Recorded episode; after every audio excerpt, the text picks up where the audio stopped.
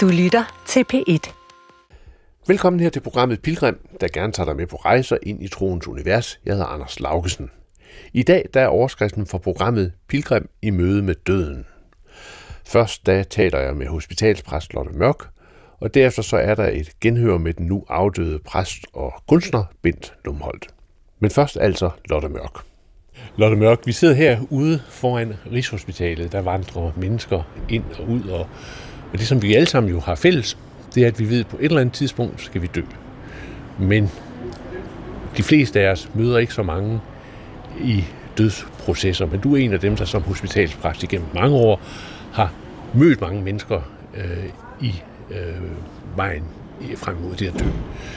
Øh, nu er jeg blevet øh, 63, og jeg ved, at nu er mit øh, livsur jo sådan, det tigger i den vej. Jeg tænkte, det er tid at begynde at virkelig tage imod gode råd og erfaringer og på en måde forberede sig på at dø. Så altså Lotte Mørk. Hvad har du af tanker og på en måde også gode råd, når man er pilgrim i møde med døden? Åh, oh, jeg kunne jo stoppe programmet nu og sige ingen. På trods af, at jeg netop ja, i 20 år har, har fulgt mennesker, fra de faktisk var i fuld vi gør, men altså var blevet syge, og til de nærmede sig døden. Så jeg har været med i manges dødsprocesser. Og på en måde har jeg lyst til at sige, at, at jeg ikke tror på, at vi på den måde kan forberede os. Fordi det er noget helt andet. Døden er noget helt andet. Og det er jo også derfor, vi har svært ved at tale om den, forholde os til den og sådan, fordi at den er så fremmedgørende. Der er så meget uvidshed øh, forbundet med døden. Vi aner ikke, hvad der kommer til at ske.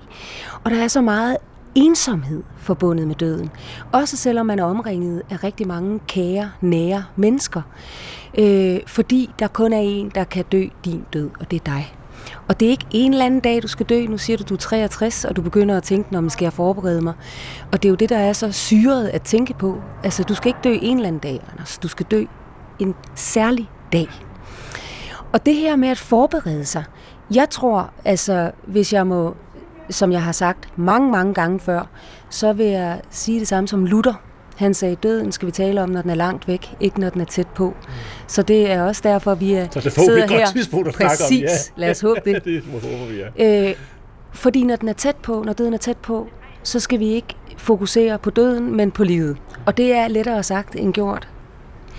Men det her med at forberede sig på døden, øh, det er der jo mange af de gode gamle, der sagde, at det skulle vi gøre, og det kan man gøre på mange måder. Blandt andet ved at kigge sig selv i spejlet en gang om dagen og sige, at du skal dø, så se på, hvad du har, hvem du har i dit liv, og være taknemmelig.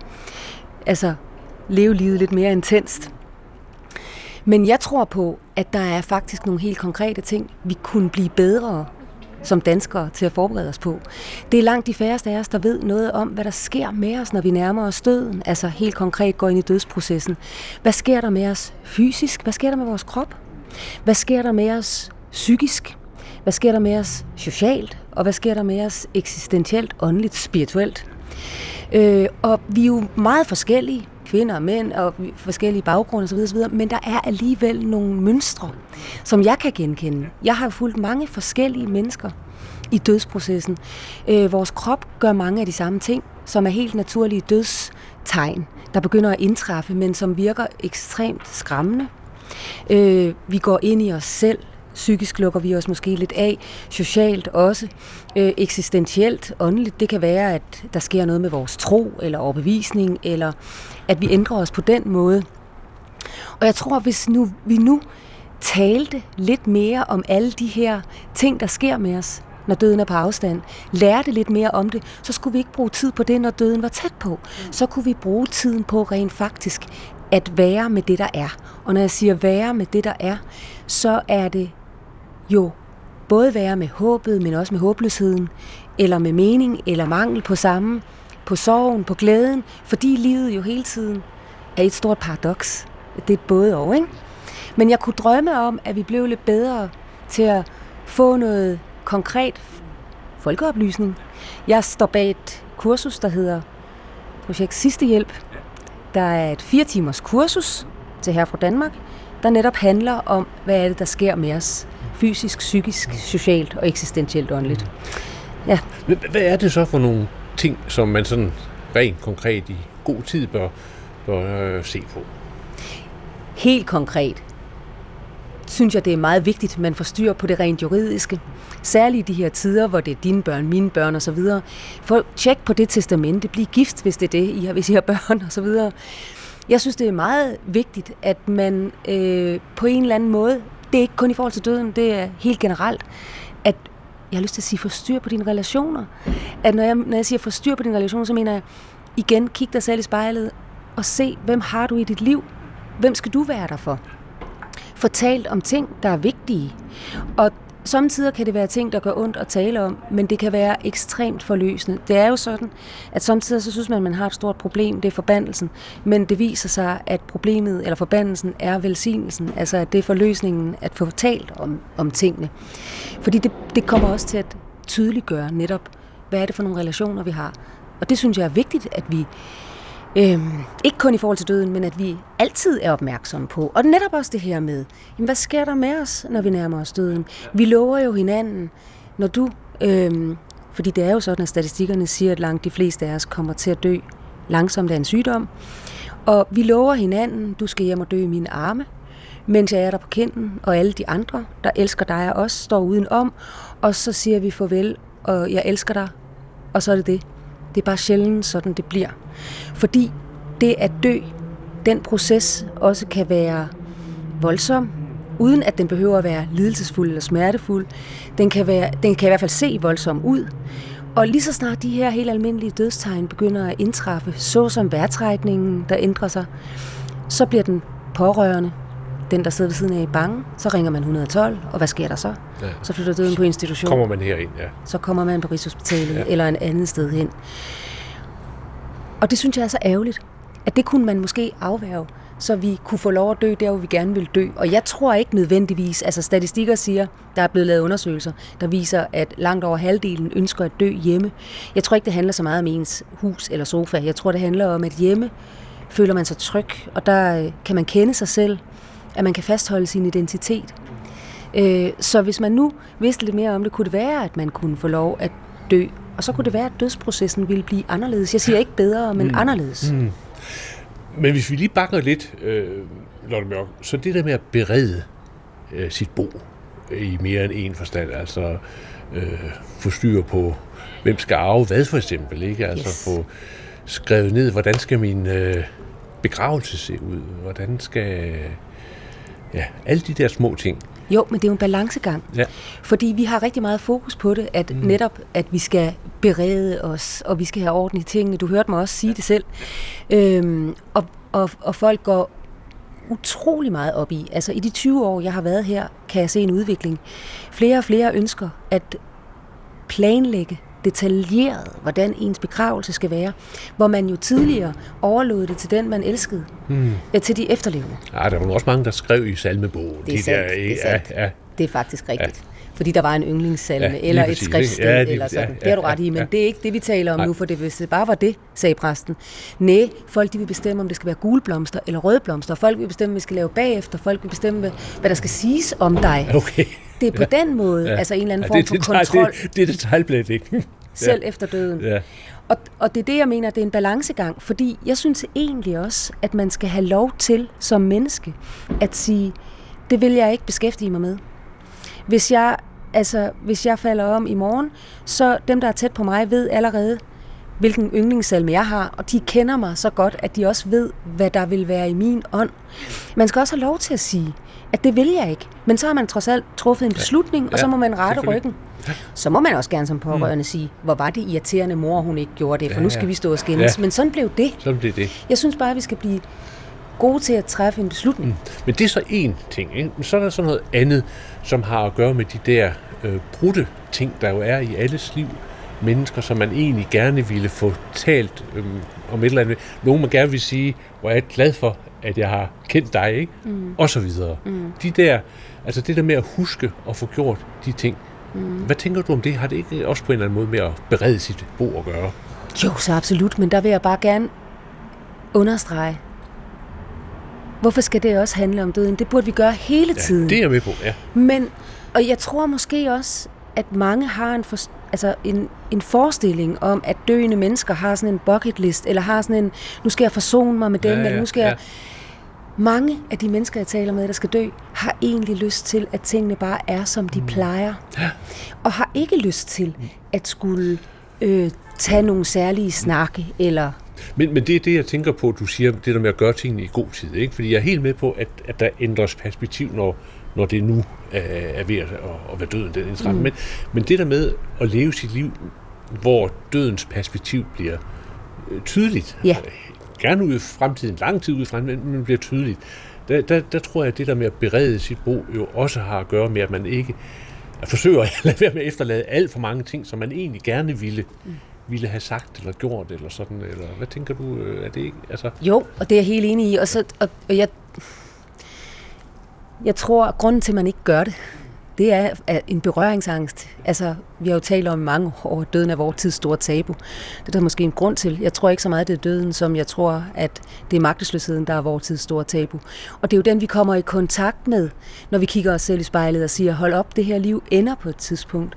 Hvem er det egentlig, jeg gerne vil sige tak til, eller jeg gerne vil sige, det var fejl af dig, eller hvad man nu har på hjerte. Så jeg tror, at det er derfor, vi lader være med at berede os, fordi at vi jo så kommer i kontakt med den her afmagt, som jeg tænker, at mennesker på Rigshospitalet er i kontakt med konstant. Så er der en anden ting, jeg, jeg sådan tænker øh, på, øh, Lotte Mørk. Det er det der med, mm, hvad, vil du gerne, hvad vil du gerne give videre til nogle mennesker? Altså, hvordan vil du gerne ligesom, hjælpe nogle mennesker, øh, også efter du er død? Altså, øh, er der en bog, de skal have, eller er der... Altså, den der øh, jo gamle praksis, som, som, som folk har haft, jeg vil stadig have med, man skriver bag på maleriet, det skal gå til... Mm. Hvilket kan, fedt, kan, og fedt og kan resultere i utrolig meget familiesplid. Ja, det kan det sikkert. Men jeg tænker bare på den der, den der, altså det der relationelle, at der gives noget videre til nogen, som man har haft en relation til. Hvad, hvad tænker du om det som en del af de her forberedelser Jamen, døden? Jamen, det kan jo slet ikke undgås. Det giver jo fuldstændig sig selv. Altså, det der, og det er jo det, der er så vidunderligt. Det giver dig fuldstændig sig selv, men det er da noget af det, jeg ser som min sjælesørgeriske praksispligt, at være med til at understrege, hvad det er, det her menneske, der står for døden, faktisk har givet verden. Og så taler jeg så næste dag med det menneske, der skal miste, som har brug for at vide, eller brug for at sige, hvad den døende har givet ham eller hende. Så jeg synes, det giver ret meget sig selv. At, at, altså det er jo kærligheden. Ja, ja. Og kærligheden er jo ikke kun rosenrød. Kærligheden indeholder også vrede og irritation og forbandelse og alt muligt andet. Kærligheden er jo en, en pussy størrelse, som vi aldrig får magt over, ligesom vi heller ikke får magt over døden. Men det er bare for at sige, at kærligheden giver sig selv. Så de der relationer, når de er der, så er de der jo. Øh, nu siger du, at kærligheden giver sig selv. Det, det jeg ville håbe, jeg kunne sige, at det var rigtigt, men det, det altså jeg synes jo, at kærligheden, den, den, den kræver man, øh, man vander den og sparker til den, og så videre, ikke? Altså, altså på en eller anden måde, øh, netop, netop, altså, og, og, og det er lige præcis, altså det der, den der spænding imellem døden og så kærligheden, kærlighedens kræfter, ikke? Altså, døden er ude i horisonten et eller andet sted. Øh, Vores kærlighed lever nu og her. Hvad er det for en kærlighed, jeg spærer inde? Hvad er det for en kærlighed, jeg ikke øh, lytter til? Hvad er det for... Altså, hele det der spændingsfelt. Jo, og den bliver man, altså, der tænker jeg, at vi har en forpligtelse at, at stoppe op og Ja. tænke over det. Tale om det for den sags skyld. Ja. Men, men jeg er helt med på, at kærligheden skal vandes og alt det der. Mm. Altså, Ja. det tror jeg godt, man ved, når man har et par år på banen. Men, ja. men, men det er jo, det er jo en... Altså, det er på en, altså, når jeg taler om, at kærligheden giver sig selv, så er det som en kraft, vi ikke, hvad skal man sige, gør os fortjente til. Eller altså, det er jo noget langt hen ad vejen. Det er jo, du bestemmer jo ikke selv, hvem du elsker, og hvem der elsker dig. På den måde er vi jo sat lidt ud af spillet. Altså, vi får ikke, det er derfor, jeg sammenligner kærligheden med døden. Fordi vi får ikke magt over kærligheden på den måde. Og kærligheden er jo, det er en pussy størrelse. Fordi kærligheden er sådan set ligeglad med døden. Jamen, den fortsætter. Og nu er vi i gang med at tale om relationer. Altså, vi kristne mennesker taler om, at ja, døden er fuldstændig virkelig. Og den, du mister, kommer ikke igen. På den måde. Men der er noget, der rækker længere ud. Der er noget, der er stærkere end døden, og det er kærligheden. Og så tænker folk tit, det er tomme præsteord det der. Men det er meget virkeligt i min optik. Fordi kærligheden er ligeglad med døden, den fortsætter. Du stopper jo ikke med at elske et menneske, bare fordi det menneske, du elsker, dør. Kærligheden fortsætter. Og det, der så er særligt ved kærligheden også, det er, at selvom du er 91, kan du godt begræde, at du får en sygdom, du skal dø af, hvor man kunne tænke, ah, du har levet 91 år. Men det er jo fordi kærligheden aldrig lader sig nøjes, fordi den er så god. Den vil altid have mere. Også selvom den kan gøre ondt. Ja, det er jo bare faktisk meget smukt. Ja, det er det faktisk. Ja, det... Det er jo også kærligheden, der gør, altså jeg tænker på de her dødsprocesser. Ja, ja. Det er et sjovt ord, dødsproces. Ja, det er grundlæggende lidt, lidt dumt ord, var Ja. det ikke det? Jo, det der med ja, proces. Ja, proces, det er sådan et moderne ord, ja. Jo, men på en måde, fordi proces det er noget med en begyndelse og en slutning. Og, og man kan jo godt tale om en slutning, når døden mm. indtræffer. Ja, det kan man godt. Men noget af det, jeg tænker på, det er, altså hvordan, hvad, hvad er godt for det menneske, der er i den proces? Ja. Man kunne også sige pilgrimsvandring. Vandring. Det kunne man nemlig. Dødsvandring, eller hvad siger Det kunne man. Ja, ja. Fordi på en måde er det en vandring. Ja. Man ved, hvor det ender. Hmm. Man ved, hvordan det ser ud. Nej. Man ved godt, hvor man går hen. Ja, ja, men det er ikke nødvendigvis sådan en proces, vi deler op i A, B, C, bum, bum, bum, ikke? Det, Nej. det, der er noget, altså, ja, Og, og det er den proces, for at blive ordet, ja, ja. Der også kan være ekstremt ensom, altså hvor den eksistentielle ensomhed er der. Ligegyldigt hvor mange, der elsker dig, og ligegyldigt hvor mange, der ærer dig på kinden. Og noget af det, som jeg tit tænker over, måske hver dag, det er, hvad er det egentlig, der er brug for? Hvad har vi brug for, når vi er der? Ja. Fordi vi ved godt, du vil aldrig kunne hjælpe mig. Jo, hvis du skulle kunne hjælpe mig, så skulle du sørge for, at jeg ikke døde. Men det, man i virkeligheden har brug for, det er jo et andet menneske, og derfor kærligheden lige binder sløjfe om det her. Det er et andet menneske, der godt tør være i det magtesløshedens rum, Ja. døden jo bringer frem. Ja. Og for at kunne være i det rum, så kræver det altså, at det menneske, der skal sidde ved siden af den døende, at det menneske også tør konfrontere sig selv med sin egen begrænsning. Det kan godt være, at nu ligger du og skal dø om lidt, så går der en rum tid, og så er det mig. For sådan er det at være menneske. Så i magtesløshedens rum opstår der pludselig et magtesløshedens fællesskab, som for mig er kodeordet, og som for mig kun kan opstå, fordi der er noget, der er større end både dig og mig. Ja, det er præcis. At der er en tro på, at der er noget, der rækker længere ud. Der havde jeg, øh, eller vi havde øh, en meget bevægende stund i forbindelse med min fars død. Øh, præsten, som far kendte i mange år, kom derhen, ikke? og så havde vi nadver sammen.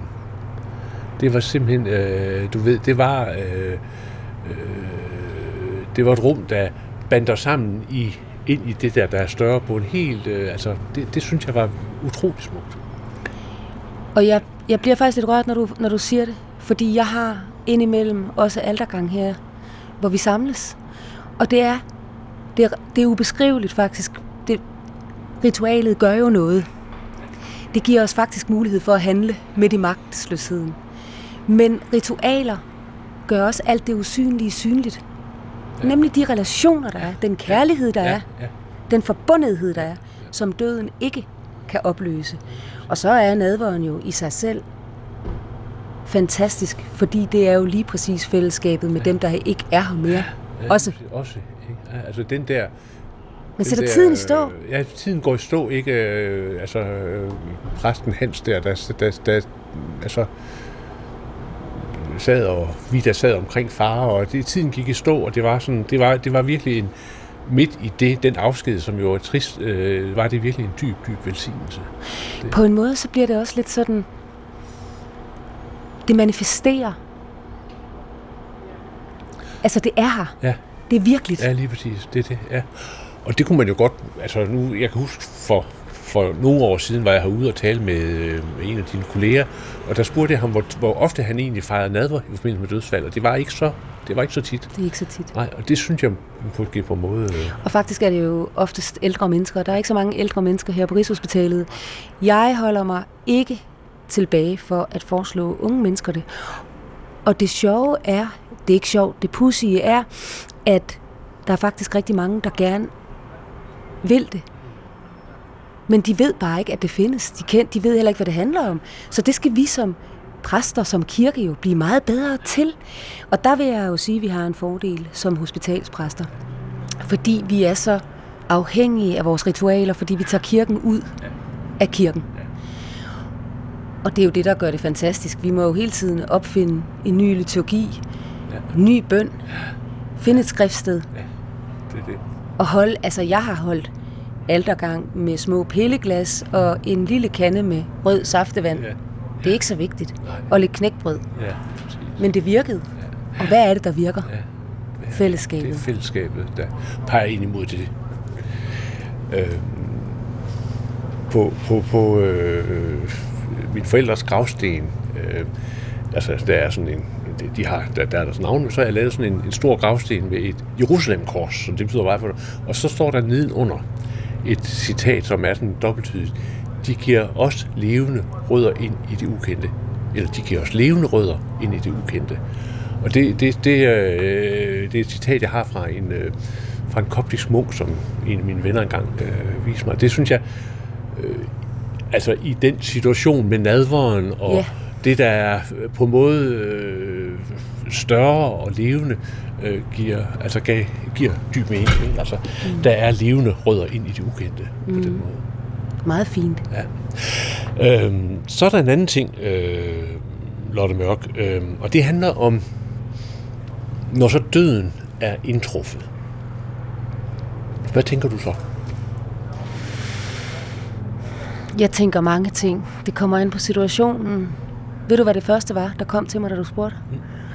Jeg tænker ofte, hvorfor åbner hun vinduet, Ja, sygeplejersken? ja, Og, og jeg har haft nogle sjove oplevelser med det. Ja. Jeg forstår godt, hvorfor man gør det, og sjælen skal flyve ud, og det er et meget fint lille ritual, der er mange, der holder af det. Indtil jeg mødte en kone, der mistede sin mand. Hun blev rasende. Blev rasende på den sygeplejerske, der åbnede vinduet. Hans sjæl skal ikke flyve nogen som helst steder. vi. Jo, men det er bare, det siger jo noget om, ja, at er vi skal ikke tro, at vi ved, hvad der er godt eller Nej, bedst. nej. Eller, og hele, hele den snak, vi har gang i nu, handler jo altså om dødsprocesser. Mm. Hvor ville det være dejligt, hvis, hvis vi vidste, der var en rigtig måde at gøre det på. Mm. Og det, men det er jo det, der er virkeligheden. Der er ikke nogen rigtig måde at gøre det på, og det er her, vi kommer på usikker grund. Ja, Men når døden er indtruffet, øh, det er jo sjældent, jeg er der i dødsøjeblikket. Altså, det er sådan set sket nogle gange. Men samtidig så sker det.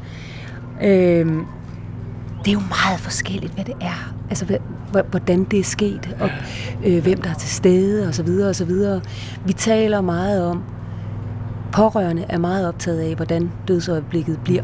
Ja. Altså, om det bliver en værdig død. ja det, er jo, kan jeg det, er jo, sige. det, er jo det, det kan jeg sige en masse om, men Det er egentlig et underligt udtryk, var. meget. Værdig Fordi, død. Jo, men Altså, vi tror, at en værdig død skal være Ja. pæn, uden blod, uden opkast, uden...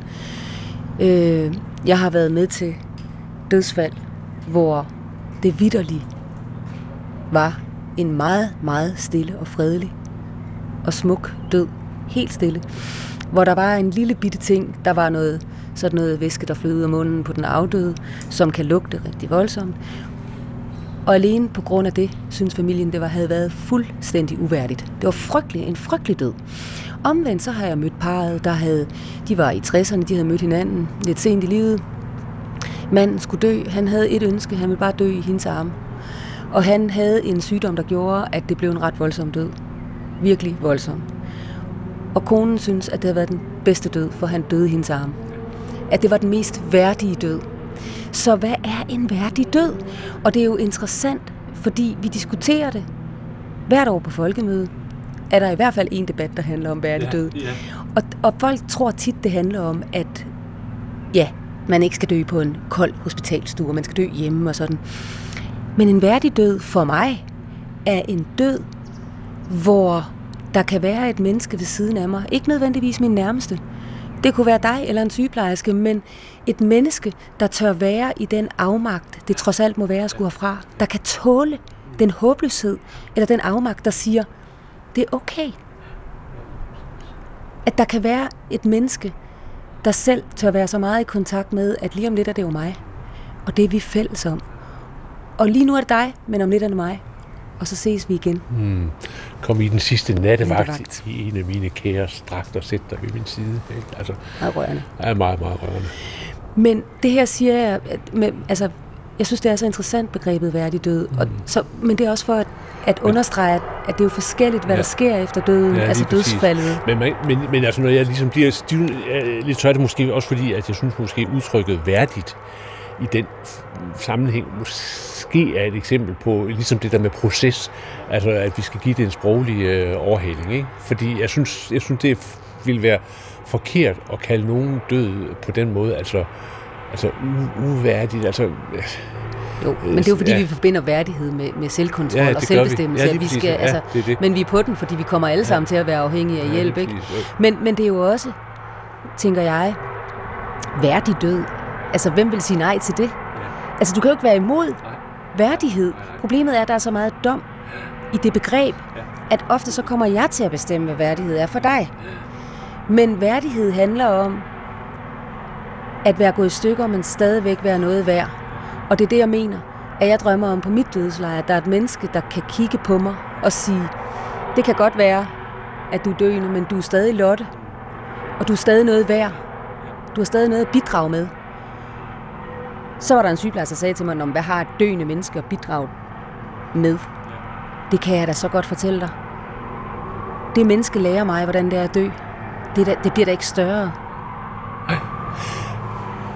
Ved du, hvad jeg gerne vil i forbindelse med mit øh, dødsleje, og øh, specielt min død, det er, at jeg vil håbe sådan for mine øh, nære, at de får mulighed for at gøre det samme, som det jeg gjorde med både min far og min mor, nemlig at have rigtig god tid bagefter.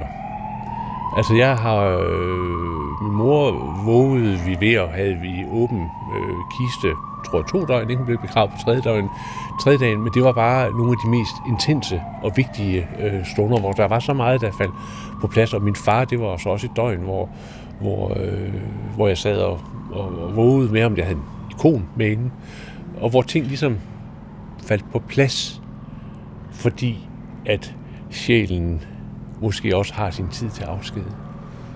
Jo, og fordi jeg tror, at krop og sind og ånd har brug for tid til at forstå, det er virkeligt.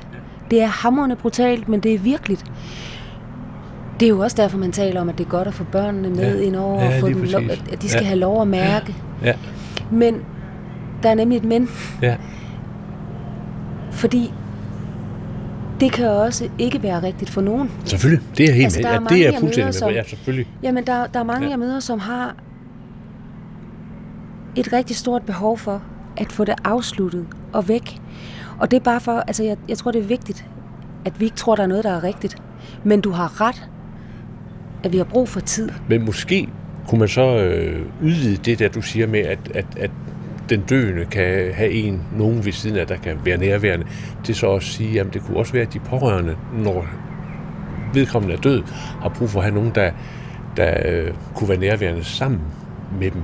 Men, Men det er så godt, du siger det. Og det er jo hele, nu kommer vi jo ind i hele debatten om, når man er i sorg, hvor er, hvor er omverdenen? Ja, ja. Altså, og det er jo det, man har brug for. Ja. Så har man brug for naboen, eller Ja. øh, onklen, eller hvem vi er, Lige vennerne, kan Ja. komme og tåle Ja. den afmagt, eller den sindssyge, man er i, når man er i sorg, Ja, på en måde. Ja, den, altså der kan man jo godt sige, at den gamle tradition for, at man våger, ikke? og også efter øh, ved kisten, den, den er måske, det kunne vi måske godt lære noget af, af de gamle. Og, og det, er, det er jo de mest enkle og simple ting, man i virkeligheden har brug for, når man er i sorg. Øh, man har allermest brug for netop, at, at den anden kan tåle ens svingninger og ens afmagt. Lotte Mørk, nu går du her på Rigshospitalet, og du er vel næsten hver dag i kontakt med døden. Øhm, hvor meget påvirker det dig? Altså, bliver det noget sådan, ja, Ja, det er jo et spørgsmål, jeg har fået millioner af gange. Og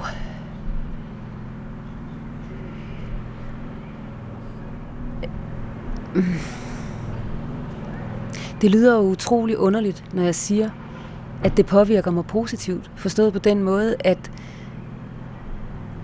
at jeg forholder mig så meget til det. Men det er jo ikke nødvendigvis min egen død, jeg forholder mig til, og det synes jeg er utrolig vigtigt. Øh, men jeg tror, der er noget, der er en mellemregning, folk ikke tænker over.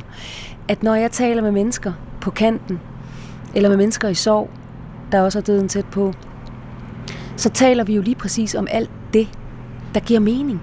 Alt det, der giver liv. Alt det, der giver glæde. Alt det, der giver håb. Så når jeg er konfronteret så meget med døden, synes jeg bare næsten, jeg bliver endnu mere konfronteret med livet. Altså, for jeg er tvunget til hver dag at tage mit liv ret alvorligt. Det gør jeg altså ikke hele tiden. Men, men jeg, altså det er jeg. Og så, som jeg sagde, det er jo ikke min død, det er jo andres, det er jo mennesker, der er fremmede, som jeg lige har mødt måske en gang. Og så når man selv står over for noget, jeg har lige været, øh, jeg har lige været ved min datters side, der har været meget, meget alvorlig syg, øh, og faktisk også været på kanten. Og man kunne da godt fristes til at sige, der var det noget helt andet. Men det ved jeg ikke, om det var. Men det, er jo, det kommer jo tæt på på en fuldstændig anden måde. Det skal det også. Men jeg tror ikke nødvendigvis, at man bliver et mere alvorligt menneske, eller et altså, eller, eller klogere, eller dybere, eller noget. Jeg tror bare på en måde, at jeg lever livet ret intenst. Det er det, døden gør.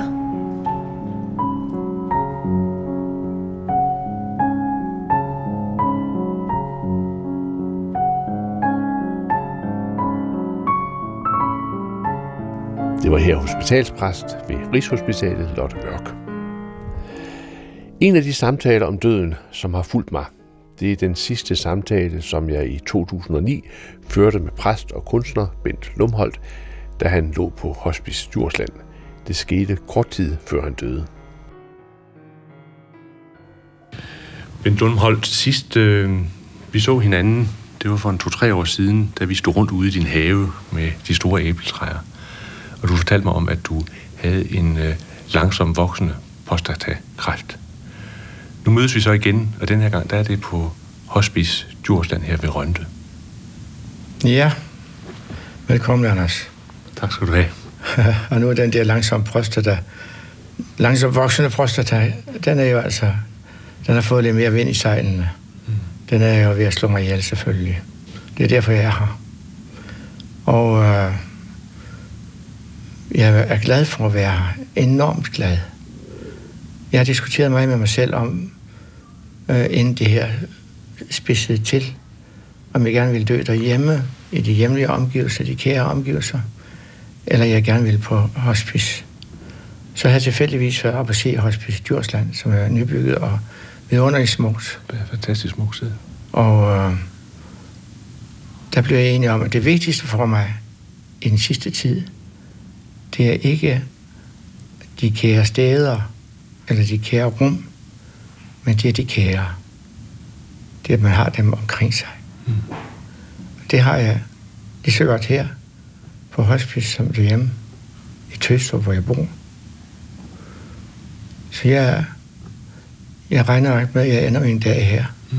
Hvad tro. Og her har du øh, plads til din kone Pauline. Ja, ja. Hun bor sammen med dig. Hun, er, hun har fået sat en seng ind ved, ved siden af min, så hun øh, kan komme og, og, og, og gå, som hun vil. Og sove sammen med mig, som vi, så sødt som i gamle dage. Mm. Det er herligt. Men Lumhold, hvordan, øh, hvordan har du forberedt dig? Fordi du har jo vidst med sådan en langsom voksende prostatakræft, at, øh, at du er syg i lang tid. Hvordan har du forberedt dig på, på det, der står for nu, altså på den tid, du er i nu? Ja, hvordan forbereder man sig? Man forbereder først og fremmest sin familie på, hvad der foregår, hvad der, hvad der forestår. Og det er en vigtig proces, mm. at de er med på, at far skal dø. Og, øh, og at de ligesom øh, forstår, at det er ikke det er ikke deres livs ulykke, men at det er en naturlig ting. Herste Gud, jeg er lige fyldt 78 år. Mm. Og det er lige så naturligt at dø, som det er at blive født. Jeg har afgangsalderen. Og apparat i en verden scene. Måske jeg taler så underligt. det er ikke, fordi jeg er grødkvalt, men det er, fordi min, min stemme ikke vil lystre mig. Mm. Jeg har haft et helt vidunderligt liv, fuld af mange omskiftelige oplevelser. Jeg har været i Japan som præst, jeg har været i Tule, Sisimiut, Manitsok, Radharsvetsjat, Nuuk og Klim og Tøjby og Mejlby, Torsær, Bregnet og ja, rundt omkring har jeg været. Jeg har oplevet mange ting, som, som mange andre præster formodentlig ikke når at opleve. Så, og så har jeg som en uh, otte børn. Det er jo ikke så lidt. Mm, det er rigtig mange børn. Det er det, mange med velsign med, og har var børnebørn. Og et hav børnebørn, ja. ja. Så ja, mit mål er fuldt, vil jeg sige. Mm. Jeg har ikke noget til gode. Mm. Ikke noget som helst til gode. Når du spørger mig, hvordan jeg har forberedt mig, så er jeg forberedt mig bare på at være taknemmelig over alt det. Det er næsten den eneste forberedelse, jeg har kunnet gøre mig. Og svømme hen i taknemmelighed over, over alt det, jeg har. Men, men når man har meget, så er der også meget at give slip på. Hvor ja. Altså, det, det man har kært, er man selvfølgelig også bundet til. Det er klart, det er svært. Pokker til stemme, det irriterer mig med den stemme. For jeg er ikke så pivet, som jeg lyder. jo, det må jeg give slip på. Og det er også svært, selvfølgelig er det svært. Men øh, det sjove er, at det, det er kun de kære, det er svært at give slip på. Alle andre ting, alle dimserne, alle de ting, man ejer, alle de ting, man har været sådan i, i position, alt hvad der har med karriere og skidt og møg at gøre, det, det er meget nemt at sige farvel til. Mm. Det er det svært at sige farvel til, det er de kære. Det er svært. Du har også et hav af venner, børn, yeah. familie, men du har også et hav af venner. Du har mange, som du har kære, og som, som har dig kære. Hvordan, hvordan griber man det an, Benter? Jeg har grebet det an på en måske lidt, lidt kunstig måde, kan man sige. Jeg har vidst længe, at det her, det forestår. Og så har jeg, jeg har vidst i 10 år, herreste Gud, jeg har vidst i 10 år, jeg har kræft, som vil slå mig ihjel.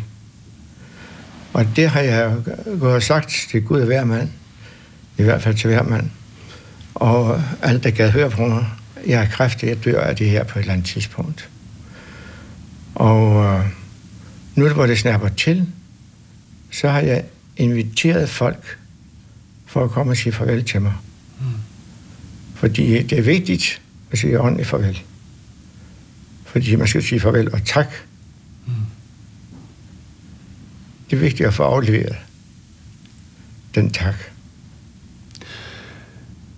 Og, og... Så, så de er kommet i, uh, i en efter en, eller to og to, her i, i de sidste uger, eller den sidste måned, vil jeg sige, og har jeg inviteret dem til at komme. Med det ene formål, at sige farvel. Hvordan, hvordan forløber de mange samtaler? Fordi øh, der, må, der må være stor sorg, eller der er stor sorg også. Jeg beder dem om at lade være med at pive. Det gider jeg ikke høre på. Mm. Og jeg piver heller ikke selv. Det lyder som om, jeg piver nu. Det gør jeg ikke. Det er min stemme, der er gal. Men uh, vi snakker om de ting, vi har haft sammen. Og jeg udtrykker min, min tak for det, mm. som det har været, ja. været for mig. Ja. Og så, så giver vi hånden og siger pænt farvel og snuser op, og mm. så går de. Siger, siger du på gensyn? Det gør de, og det gør jeg også.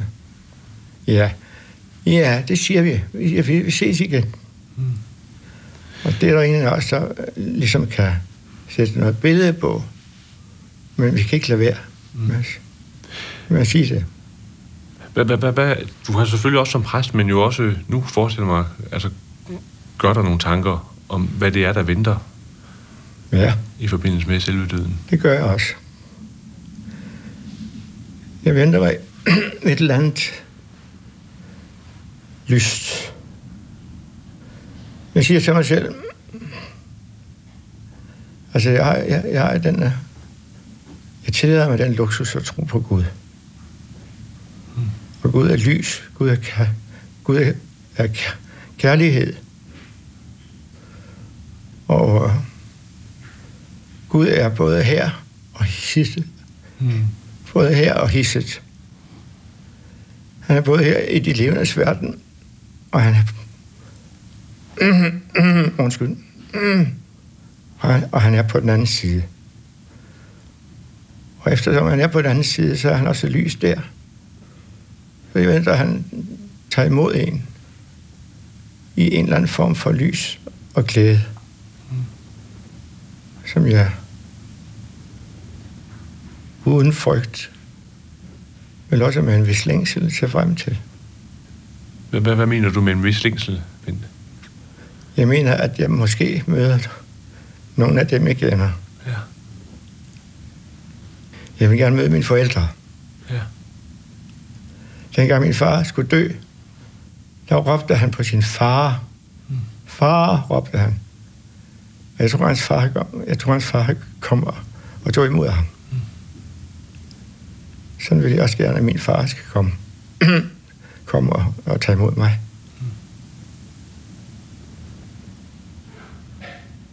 Jo. Jeg venter mig noget lyst. Men jeg kan ikke sætte, jeg kan ikke sætte billeder på det. Det kan jeg ikke. Alt det der med englepladser og, og rundmusik og så videre, det, det må de gerne beholde for mig. Jeg vil nu sige, det med musikken, det vil jo passe godt nok til dig, Bente. Åh, oh, ja jo, men, men nej, det vælger jeg fra. Mm. Men jeg tror ikke, det bliver slemt på nogen måde. Tværtimod. De, den sidste tid, jeg har her, den er jo ikke absolut morsom. Det kan du godt se på mig. Ja, selvfølgelig. Der er alt muligt i vejen med mig. Men øh, det bliver bedre, når jeg dør. Tror jeg. Har du tænkt dig at samle din familie omkring dig, sådan når du... Det lyder så vældig patriarkalsk, at man samler sin familie, men, men øh, jeg tænker, at de kommer dumpende nok, når de ved, at faderen er ved at slippe håndtaget, så, så tænker jeg nok, at de kommer for at sige sidste farvel. Mm. Men vi har ikke sagt farvel så mange gange efterhånden, Mm fordi vi ved jo ikke rigtig, hvornår det bliver det sidste gang. Mm.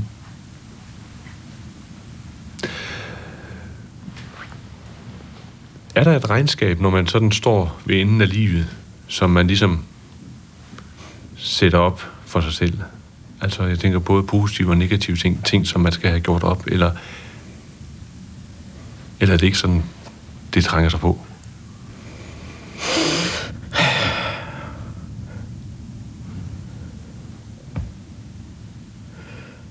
Jeg så en gang skrevet som vittighed. Han ville intet, og han nåede det. Mm. Jeg ved ikke, om det, om det kan stå som motto over mit liv. Jeg ved ikke rigtig, hvad jeg har nået. Så jeg ved ikke, hvordan regnskabet står. Jeg har ikke ville udrette en hel masse. Jeg har gerne ville... Jeg har gerne ville være en ordentlig præst. Det har, det har været vigtigt for mig. Og så har jeg også gerne ville... Det er sådan den anden side af mig. Jeg gerne ville øh, ruske folk op, eller mundre folk op med en, med en god historie, eller med en god vise. Som jeg har brugt meget tid og meget energi på, på at lave. Jeg har faret rundt i landets forsamlingshus og sovnegård og fortalt dem alle mine løgnagtige historier, som ikke er mere løgnagtige, end at de viser sider af, af menneskets liv, sådan som jeg, som jeg har opfattet det. Mm. Jo, jeg har gerne vil gøre de ting, de ting, jeg har gjort, jeg selvfølgelig gerne vil gøre godt. Det er jo klart. Der skal ikke være noget, der skal ikke være noget tjusk. Men hvorvidt det er gjort godt, det ved jeg ikke. Mm. Det må andre dømme om. Men, men med regnskab, så tænker jeg også på, at der er måske ting, som man gerne vil have på plads. Mennesker, man gerne vil have noget på plads med. Ting, man altså ligesom synes, at det er vigtigt at få, at få, få en, en sløjfe bundet her. Ja, jeg ved, hvad du tænker på. Du tænker på forhold til andre mennesker, som, som måske ikke rigtig var, som de skulle være. Dem har jeg haft nogle af. De er kommet på plads. Det har jeg sørget for. Med, med, med meget intensitet har jeg sørget for, at det kom på plads. Så jeg har ikke nogen hængepartier. Mm. Ikke at jeg vil have. Er det sådan systematisk, du har gjort det? Altså simpelthen sørget for at få det på plads, der, der skal på plads? Ja, næsten, ja. Mm. Det vil sige, fordi man skal ikke regne for noget. Mm. Tror du, der er en sammenhæng mellem den måde, man, man har levet sit liv på, og så den måde, man går i døden på? Nej. Det tror du ikke? Nej. Mm. Det tror jeg ikke. Det er simpelthen bare et spørgsmål om gemyt, hvordan man går i døden i møde. Mener du, om der er et eller andet sådan... Jo, men jeg, jeg, jeg, jeg tænker, øh, sådan som jeg kender dit liv, så har du levet dit liv på mange måder med, med oprejst pande, kan man sige. Du har haft øh, øh, stor energi og appetit på livet. Du har, øh, jamen, du har taget fat i, i de øjeblikke, der har været der. Sådan har jeg i hvert fald oplevet dig igennem tiden. Og så synes jeg måske også, at, at, at, at, at nu er du et andet sted, men du tager også fat i det, der så er her. Altså, at du, øh, du griber ja, du griber øjeblikkene. Ja, jeg har ikke så mange øjeblikke at gribe i mere. Så jeg ved ikke rigtig, hvad jeg skal svare på det. Nej, men jeg tænker mere på, altså det der med at sørge for at få lavet sit regnskab, det med at sørge for at få sagt farvel til vennerne, det med at sørge for at samle familien omkring sig, det med ligesom at få tænkt livet igennem, det er jo, jo at gribe de øjeblikke, der er tilbage. Ja. Ikke? Altså frem for at sidde måske og se fjernsyn, eller øh, ja. øh, være, ja, der kan være så mange ting, ikke? Jo. Der må nok sige, at det med at se fjernsyn, det betyder meget, meget lidt i, sammen, i sammenligning med at få ordnet, at få beredt, beskikket sit bo, som det hed i gamle dage. Mm. Og beskikket sit bo vil sige mange ting. Det vil sige, det er at få ordnet nogle praktiske ting. Så ens øh, kone kan have det rimeligt, når man er, når man er graveret. Og det er også det at, at, at blive venner med dem, som man ikke var helt sikker på, at man var venner med. Mm. Har, har du mange smerter, Bent? Jeg har de smerter, som jeg ønsker at have. Jeg har sagt, de kan holde mig fuldstændig smertefri. Men det ønsker jeg ikke. Fordi så bliver jeg så sløv, så jeg slet ikke kan tænke. Og det gider jeg ikke være. Så jeg har bedt om, at de nedtrapper min, min, min uh, morfin, altså min, min, uh, min smertemedicin. Og så jeg kan tænke. Og så blæser jeg på, at der, kommer, der følger smerter med. Det må jeg prøve før. Ben Lumholdt, øh, begravelse. Farvel, det sidste farvel. Er det noget, du har? Ja, det er vel noget, du har. Ja, ja. Og det er sådan lagt til rette. Peter Arndt, min uh, gode ven og organist, uh, vi arbejdede sammen i Grenaa Kirke en, en, en helt, helt tid. Han har lovet at komme og spille. Mm. Han spiller godt. Ja, han spiller bra. Og jeg ligger i min kiste og fryder mig over, det er ham. Mm. Det er ham, der sidder der. Og uh, de salmer, der skal synges, de er bestemt. En af dem har jeg selv lavet. Den er ikke voldsomt Den er ikke, det hører ikke til dem, der sådan vil overleve, men uh, det, er min, det er mit bidrag. Så den skal synges. Og den går også vendt på melodien. En sømand har sin ene gang, Ja. som fanget på en ø. Ja. Jo, og så, så vil jeg gerne, at min familie, jeg har jo mange børn, som du ved, Mm. så vil jeg gerne, at min, min familie vil stille sig op i min kiste så- og synge, synge den, sm- den smukkeste hymne, hymne jeg, jeg kender. Og, den er grønlandsk. Uslag manne. Sådan begynder den denne morgen. Sådan starter den. Og min øh, familie er velsyngende, og der skal jeg synge flerstemmigt op ved min kiste. Hvis ikke de gør det ordentligt, så skal de, så får de bank. Så får de banken. Når... Ja. Så vil jeg spøge over dem, har jeg sagt. Jamen, jeg er sikker på, at det skal de nok gøre ordentligt. Det er, det er min kone, der griner. Det er Hun- Pauline, der hun- griner, Hun, hun, er, hun skal nok holde dem i fast snor og sørge for... For jeg vil ikke have, at de snøfter. Man skal aldrig snøfte sig igennem sådan noget. De skal synge ordentligt og pænt. For det er, det er en, en hymne, jeg gerne, jeg, jeg gerne vil uh, skrubbes af med.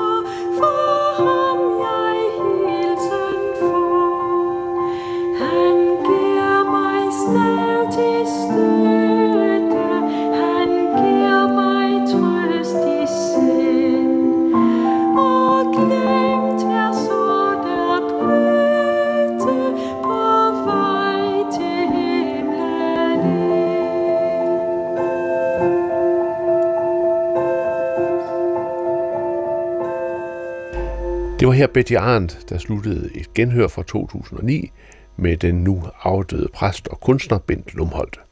Først i programmet, der var det hospitalspræst Lotte Mørk, som jeg havde mødt på Rigshospitalet. Her siger jeg, Anders Laugesen, tak fordi du lyttede med. Forhåbentlig på genhør om en uges tid. Gå på opdagelse i alle DR's podcast og radioprogrammer. I appen DR Lyd.